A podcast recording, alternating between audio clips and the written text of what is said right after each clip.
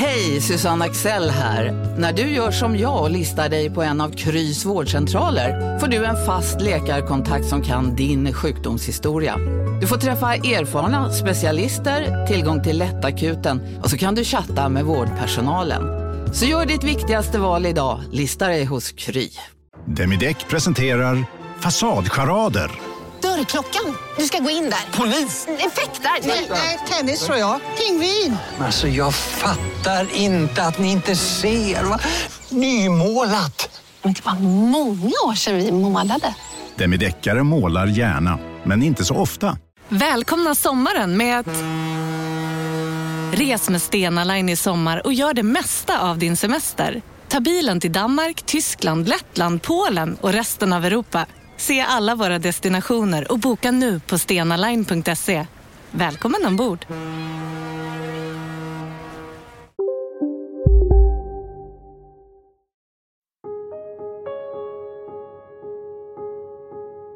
Jag försöker att tänka så förutsättningslöst som möjligt. Man måste göra det. Efter ett långt och intensivt spaningsarbete har förundersökningsledare Gunilla Broman till slut fått ett ansikte på mannen de jagat i månader.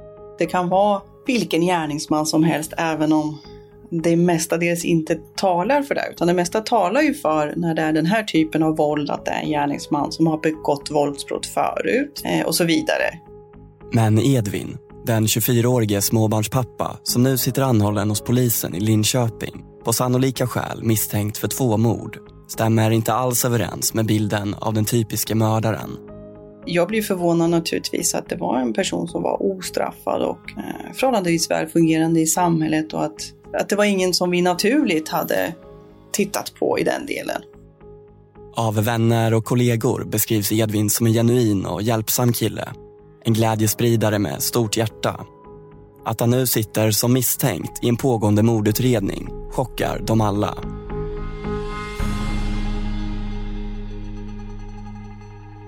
Jag heter Karl Fridsjö och du lyssnar på en mörk historia om Mantorp-morden, del 2.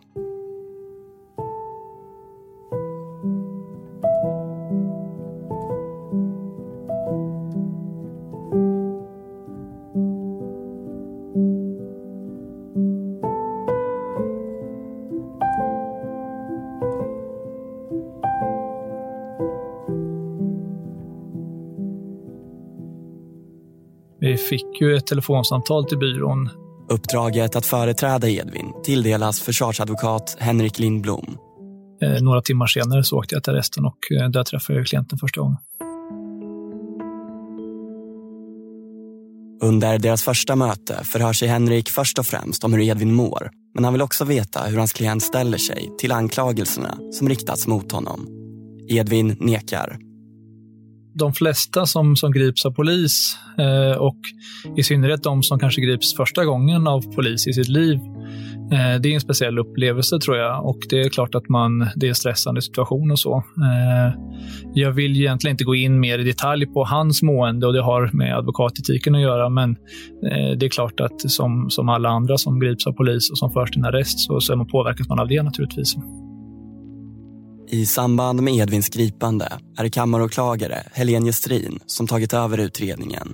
Och för Edvin väntar nu många och långa förhör där han ska pressas på vad han egentligen gjorde helgen då Ann-Kristin och Tor mördades. Han berättade att han varit ute och kört planlöst efter ett gräl med sin sambo, att han, men ingenting av att han har stannat någonstans vid något hus. Edvin kan i de första förhören inte ge några exakta beskrivningar av hur han kört under söndagen efter bråket med sambon men säger att han vet att han stannat vid McDonalds, Texas Longhorn och några rastplatser och bensinmackar på vägen. Senare så kommer han eh, fram till att han ju faktiskt har stannat vid ett hus och pratat med en äldre dam och blivit insläppt i huset och druckit saft som hon bjöd på för att han behövde stanna och fråga efter vägen. Och liknande saker. Att hennes man också var hemma. En del beskrivningar om helt enkelt att han har kört på den östgötska landsbygden men att han inte har gjort något fel. På vissa punkter är hans minne betydligt klarare. Vid ett tillfälle träffar han en joggare och en kvinna som rastar sin hund. En renrasig rottweiler, berättar han, som han minns hette Sprite. Ingenting av det stämmer, ska det visa sig. Varje gärningsman är unik i sig, men När man ljuger, vilket vi är överens om att han gjorde i de förhören, så brukar det väl antingen vara så att man berättar, berättar väldigt detaljerat och försöker ge liksom en trovärdig berättelse. Eller att man är väldigt fåordig. Och han valde ju då den här mer flödande delen. Så han hade en väldigt detaljerad berättelse som, som ju inte alls var sann. Inte i någon av de versionerna han lämnade i de första fyra förhören. Att de första förhörens lögner påverkar Edvins trovärdighet håller hans advokat Henrik Lindblom med om men menar att det kan finnas förklaringar till varför Edvin väljer att inte berätta sanningen. Det påverkar ju trovärdigheten. Eh, å andra sidan kan det finnas skäl faktiskt att lämna uppgifter som inte är riktiga när man är misstänkt för brott. Eh, och det kan ha, eh, ha att göra med andra skäl än att man vill dölja egen brottslighet. Och det, det har Högsta domstolen eh, skrivit en del om i en rad avgöranden, men bland annat det så kallade balkongfallet. Det är därför jag ljög på det första förhöret. Och då menar jag det som var utanför mitt jobb av två poliser, som jag inte kommer ihåg vilka de var. Så jag ljög och lurades i ett försök att komma ur det hela. Vi hör Edvin i tingsrätten kommentera sina fyra första polisförhör. I de första förhören och även en bra bit in på resten av förhören med utredare och polis och liknande så är det samma princip där. Jag försöker luras, jag försöker ljuga, gör vad jag kan för att försöka ta mig ur situationen och säga att jag är oskyldig. Men allt mer och mer så börjar ju situationens allvar träffa mig. Och då det... Jag vet ju om hotbilden. Den är oförändrad. Därför väljer jag då att istället ingenting säga. Men det femte förhöret som polisen håller med Edvin innebär en vändpunkt. Då tar han tillbaka uppgifterna han lämnat tidigare och berättar plötsligt vad han menar är sanningen. Eller åtminstone så mycket av sanningen som han vågar. Ja, han inleder det femte förhöret med att säga att han vill göra ett uttalande. Ehm, och sen så berättar han då för polisen att han har varit på platsen och att han har varit delaktig i att binda makarna. Och sen vill han egentligen inte uttala sig mera. Edvin berättar också att han inte var ensam i huset och att han under tiden han förutsätter att morden inträffade var och tog ut pengar från bankomaten i Borensberg. Men något mer om vem eller vilka som var med honom i huset, det vill han inte avslöja. Ja, han inser nog att eh, om han inte säger någonting överhuvudtaget om det, eh, då kommer han att fällas för mord i två fall. Eh, och därför så, så berättar han eh, så pass mycket, enligt han själv, så pass mycket att eh, de här personerna inte kan identifieras, men samtidigt så säger han att han, han har faktiskt inte bragt dem om livet. Det är det de vill säga.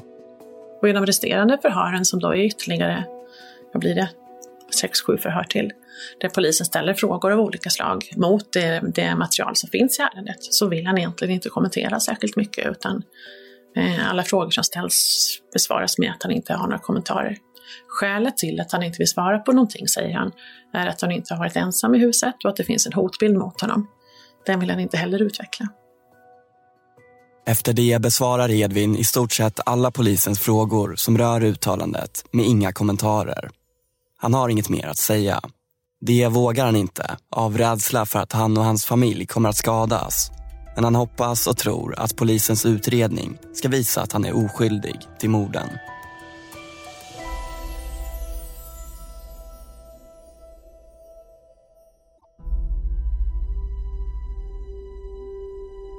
Den där helgen i mitten av juni och vad han gjorde då vill Edvin alltså inte prata om.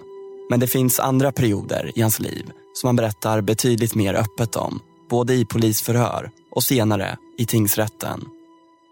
Eh, jo, men det var ju en psykisk sjukdom då, som började då med att jag började känna mig att jag hade våldsamma idéer, att jag ville vara våldsam och jag ville skada andra människor, till och med döda andra människor.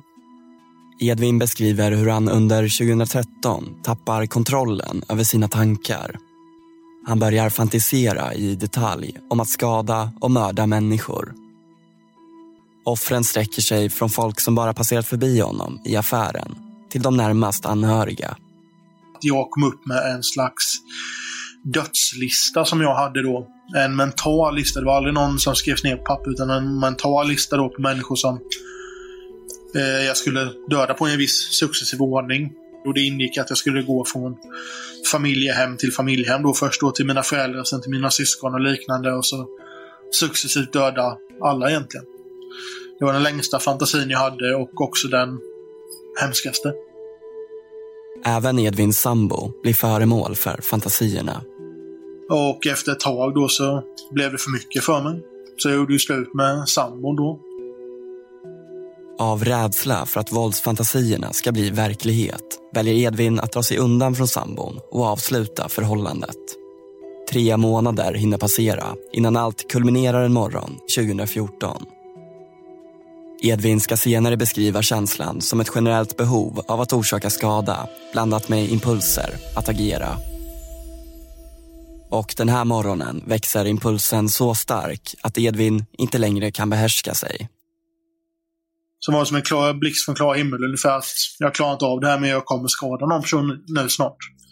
Så istället för att åka vidare till jobbet så fortsatte jag bara köra. Hamnade i Göteborg. Där då så tog jag in på ett hotellrum och var allmänt förvirrad. Samtidigt har Edvins anhöriga blivit oroliga. Efter att inte fått kontakt med honom på flera dagar så kontaktar de Missing People som lägger ut en efterlysning. Eh, och efter ett par dagar så kontaktade Edvin mig själv på telefonen. Ulrika Nygren Sädbom var vid tillfället administrativ chef inom organisationen. Han säger att han har åkt till Göteborg för att han mår väldigt dåligt. Han berättar att han har försökt ta livet av sig och att han har tankar på att eh, döda andra människor. Eh, och han berättar också att han hade misshandlat en kille på hotellet. Och av de tre dagarna så har jag minne av kanske hälften av tiden ungefär. Under den tiden så har jag också haft hallucinationer. Och eh, nu i sentid så att säga när man har pratat med vårdpersonal, läkare och liknande från min tid då inne på sjukhuset. Så är jag under den upplevelsen att den mannen jag attackerade i Göteborg faktiskt inte hände. Men jag blev så pass till mig på grund av den attacken att det, eh, jag försökte ju ta livet av mig vid tre tillfällen efter det. Av just den anledningen att jag, hade, jag, jag trodde till fullaste allvar att jag hade försökt döda en person. Från hotellet i Göteborg börjar Edvin öppna upp sig för Ulrika.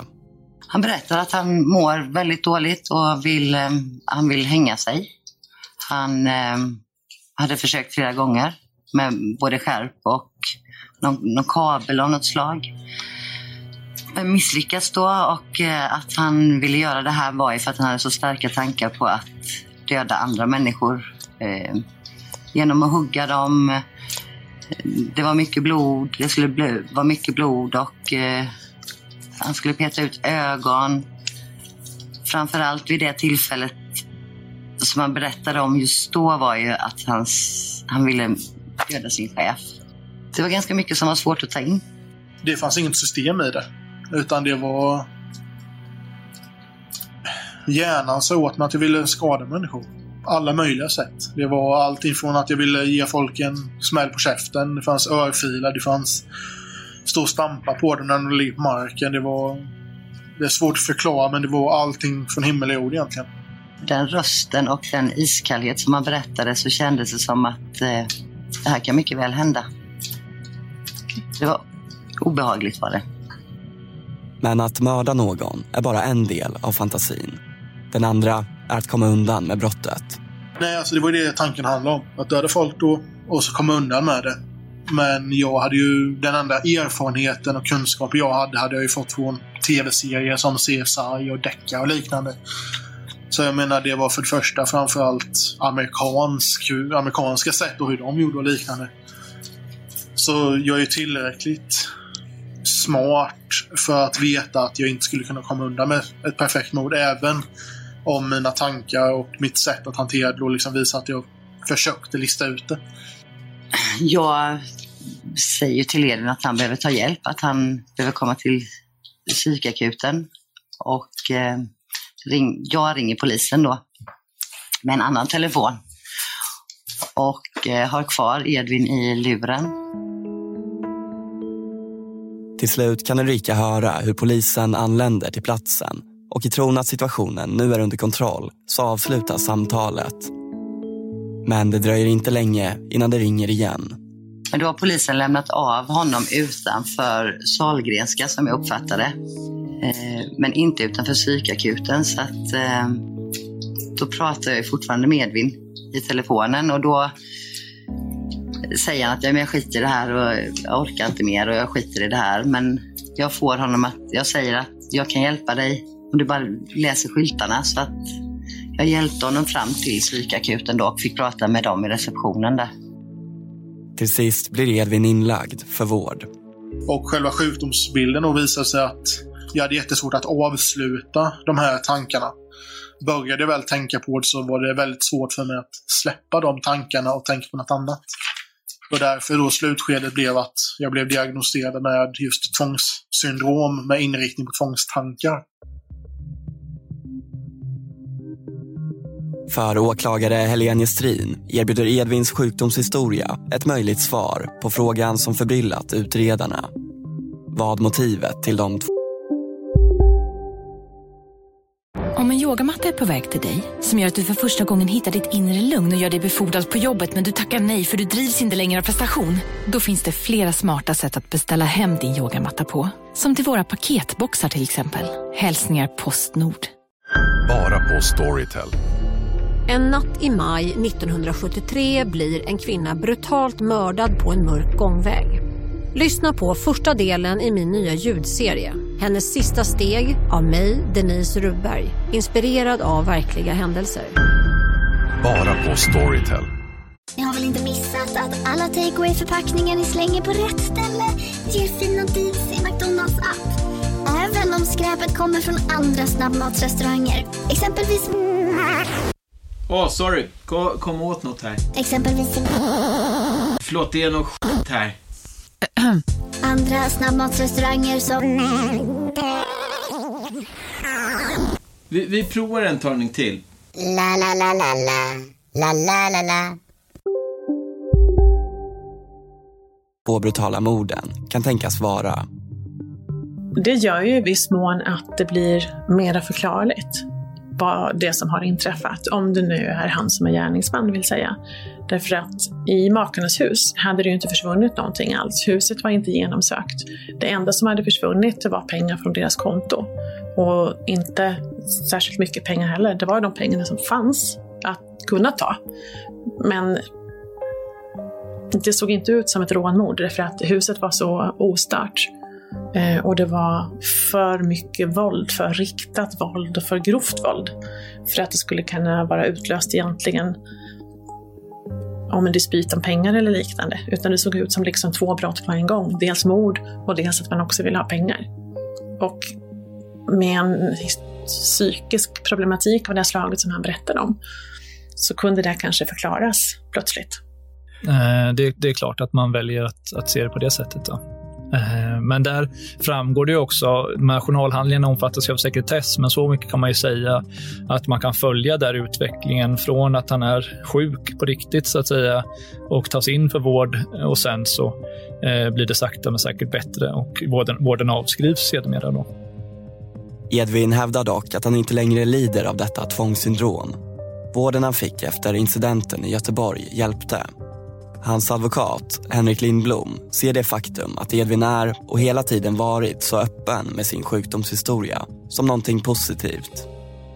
Ja, jag menar ju att det, den omständigheten att han varit så öppen med det, dels under eh, polisutredningen och, och vid huvudförhandlingen i tingsrätten, men också innan det att han grips, alltså innan det att det här brottet överhuvudtaget eh, ja, innan juni 2017 så har han varit helt öppen även till sin omgivning med det.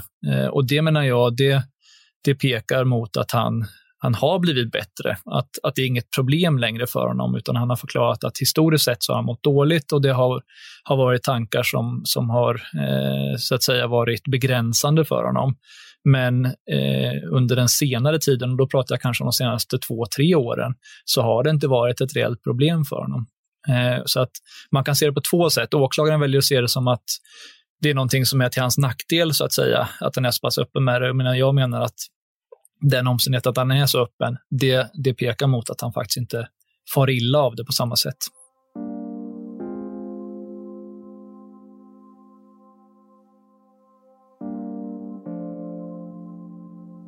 Samtidigt som Edvin i sina förhör inte vill berätta mer om helgen än den lilla information han avslöjade i sitt uttalande så håller polisen ett andra förhör med hans sambo.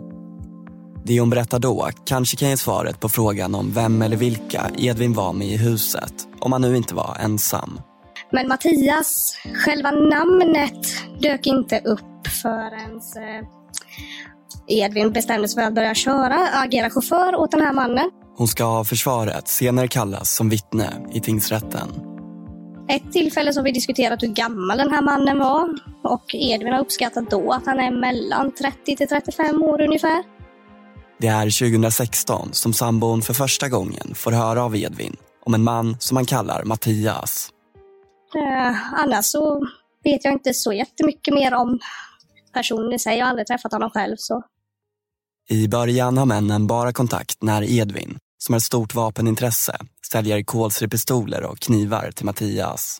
Men någon gång under vintern övergår deras relation till att Edvin vid några tillfällen gör svartjobb åt honom. Sen så började det eskalera att han började agera chaufför åt honom. Körde honom från punkt A till punkt B. Körde tillbaka och körde hem igen. Det var mellan en och en halv, två timmar arbete. Som genererade några tusenlappar i ersättning. Eh, ofta så möttes de på Mediamarktparkering i Jönköping, har jag uppfattat det som. De pengar som Edvin säger sig få av Mattias, det har rört sig om 3 till 5 000 kronor, visar han alltid upp för sambon efter att han har gjort ett uppdrag. Och även om Edvin inte berättat särskilt mycket om vem han är som person så anar hon att Mattias på något sätt har kriminella kopplingar. Han har inte haft så mycket uppfattning. Jag vet ju inte så jättemycket om honom. Det första floppade upp liksom med det här med att han är kriminell i någon viss mån. Det var en incident som Edvin pratade om, att han hade sålt en av hans kolsyrepistoler till honom och den här mannen senare tillfälle har sålt vidare detta i, ja, som man kallar, han har alltså sålt vidare den som en riktig pistol till en annan människa. Okay.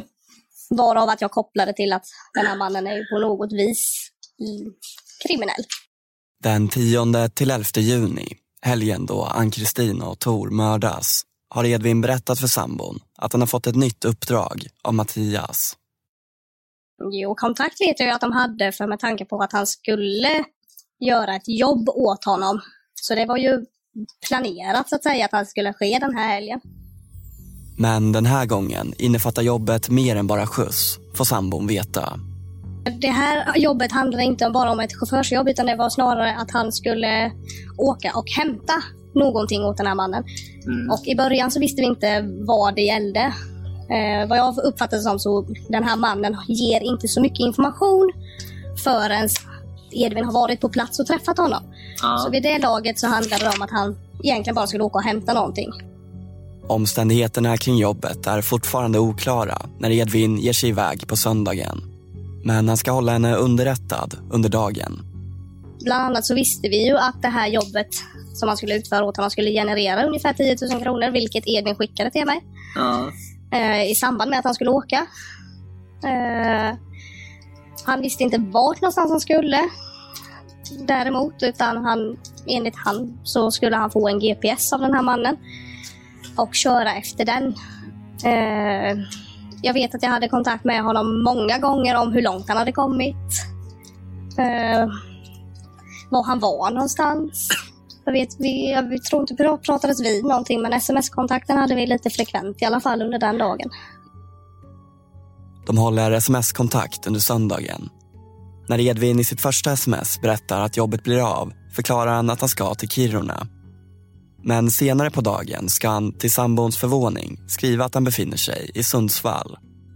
Efter midnatt skickar han ett sista sms till sambon som är med barnen hos sina föräldrar där han säger att han nu är hemma. Först när de ses igen dagen efter kan sambon få lite mer information om hur jobbet gått och om väskan som Edvin sagt att han skulle hjälpa Mattias att transportera. Alltså vid det laget så pratade vi inte så mycket just om det eftersom vi var hemma hos mina föräldrar också. Och mm. de visste ju inte om vad det var för eh, grej han hade varit iväg på. Mm. Så det blev ju inte så mycket att vi pratade om det just då, utan det blev ju när vi kom hem framåt kvällen. Så vi sa inte så jättemycket i sig. Eh, jag frågade hur det hade gått med grejerna och han berättade då vad det var Eh, berättade lite om att han hade kommit hem på natten och han hade lämnat väskan kvar i bilen på parkeringen utanför, utanför vårt hus då så att säga, eller utanför Eh, på parkeringen. Och att han hade skrattat lite åt att han hade lämnat den för att Mattias hade frågat i det tillfället när han lämnat över väskan om han hade varit nyfiken och tittat i vad det var för någonting.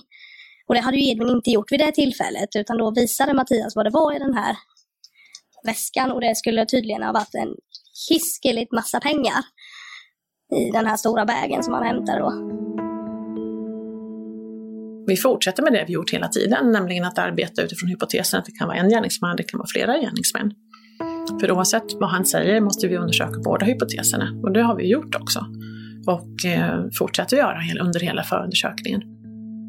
Det sambon berättat om Edvin och det hon vet om hans relation till den mystiske Mattias blir länge den enda utsaga om vad Edvin gjorde söndagen den 11 juni som utredarna och åklagare Helene Strin har att förhålla sig till. Det som hon säger om att han har berättat för henne att han svartjobbar och tjänar lite pengar, det finns egentligen ingen anledning att ifrågasätta eh, att, att hon har fått den informationen. hon har ju aldrig träffat den här personen. Hon vet egentligen inte om den finns eller inte. Det hon vet är att han några gånger kommit hem med pengar och sagt att det beror på det här. Och om det finns en sån person eller inte, eh, det vet vi ju inte riktigt då. Samtidigt har utredarnas kartläggning av Edvin gått framåt. Och den information om vad han gjorde helgen den 10-11 juni som de tar fram på egen hand kanske kan fylla i där Edvin väljer att inte lämna några kommentarer. Att han varit i huset medger han och både hans fingeravtryck och DNA har säkrats på brottsplatsen. Men hur och varför hamnade han i huset? Någon gång sker ju valet, att det är just de två. Men utifrån ett utifrån perspektiv så är det svårt att se det. Det man kan se är att gärningsmannen har rört sig från där han bor och vistas i vardagslag då i, i eh, Västergötland och Småland och norrut till den här platsen ganska i ett, i ett svep. Eh, längs med de stora vägarna och sen ligger det här huset strax utanför Mantorp. Man har svängt av E4. Genom sms och mastuppkopplingar kan utredarna följa Edvin från hans hem till Ann-Kristin och Torshus i Mantorp. Senare till bankomaten i Borensberg och slutligen när han klockan 17.14 beställer en ryggbiff med bakad potatis på Texas Longhorn som han betalar kontant innan han återvänder hem. Då framgår också att Edvin kopplat upp på en mast vid sin bostad flera timmar innan han skickar godnatt-smset till sambon där han säger att han just kommit hem. Utöver inköpen av tejp som Edvin gör under morddagen registreras på hans kort även köp av bland annat en fiskkniv, ett hölster och en kolsyrepistol. Kniven tycks försvunnen, men pistolen har polisen lyckats hitta. Den finns nu i polisens förvar och ska visa sig bära ytterligare spår som talar emot Edvin. Den är besudlad med Tors blod men i polisförhören fortsätter Edvin att tiga och han har inga kommentarer till dessa omständigheter. Han har ju hållit fast vid att det inte är han som har bragt de här makarna om livet från det att han ja, hörs första gången under hela tingsrättsförhandlingen och, och det vidhåller han ju fortfarande. Och det, han pressas väldigt hårt under förhör, eh, men det är ju aldrig vid något tillfälle som han ruckar på, på den här grundinställningen som han haft hela tiden, att det inte är han som har mördat dem.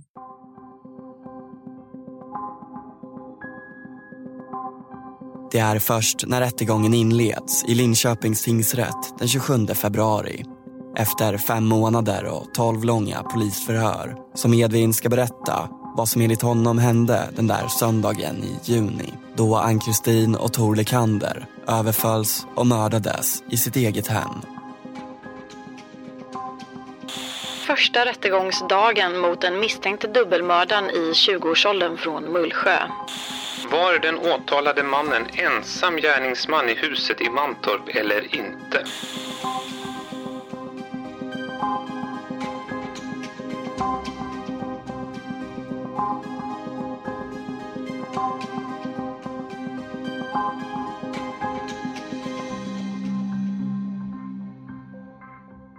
Du har lyssnat på den andra delen av En mörk historia om Mantorp-morden.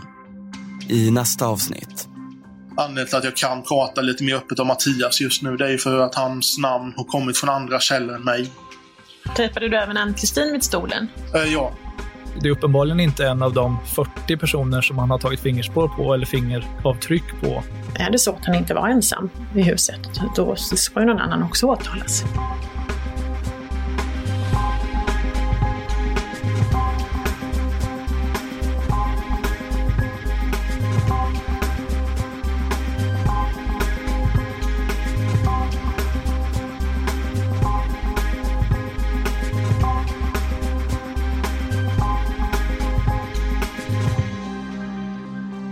Glöm inte att prenumerera i din podcastapp eller följa oss i sociala medier. Länkar finns i avsnittsbeskrivningen. En mörk historia är producerat av Joel Silberstein Hont och av mig, Karl Fridsjö. Musiken kommer från Epidemic Sound. Tack för att du lyssnat.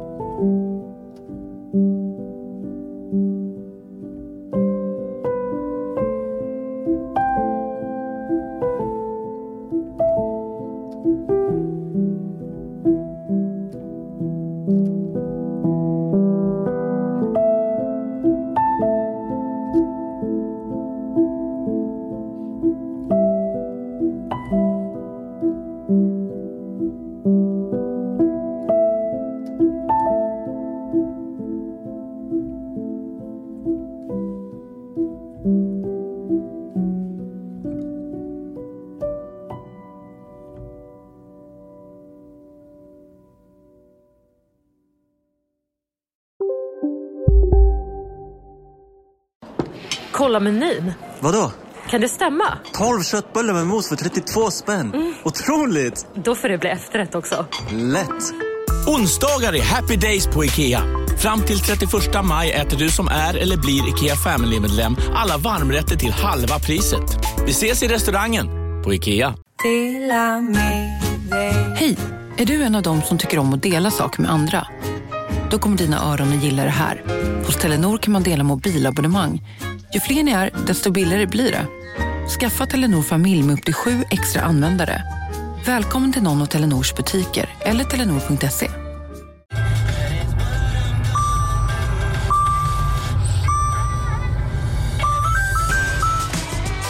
Dags att fylla på tanken. Stanna på Circle K så får du 50 öre rabatt per liter på dina tre första tankningar när du blir medlem. Vi ses på Circle K i sommar.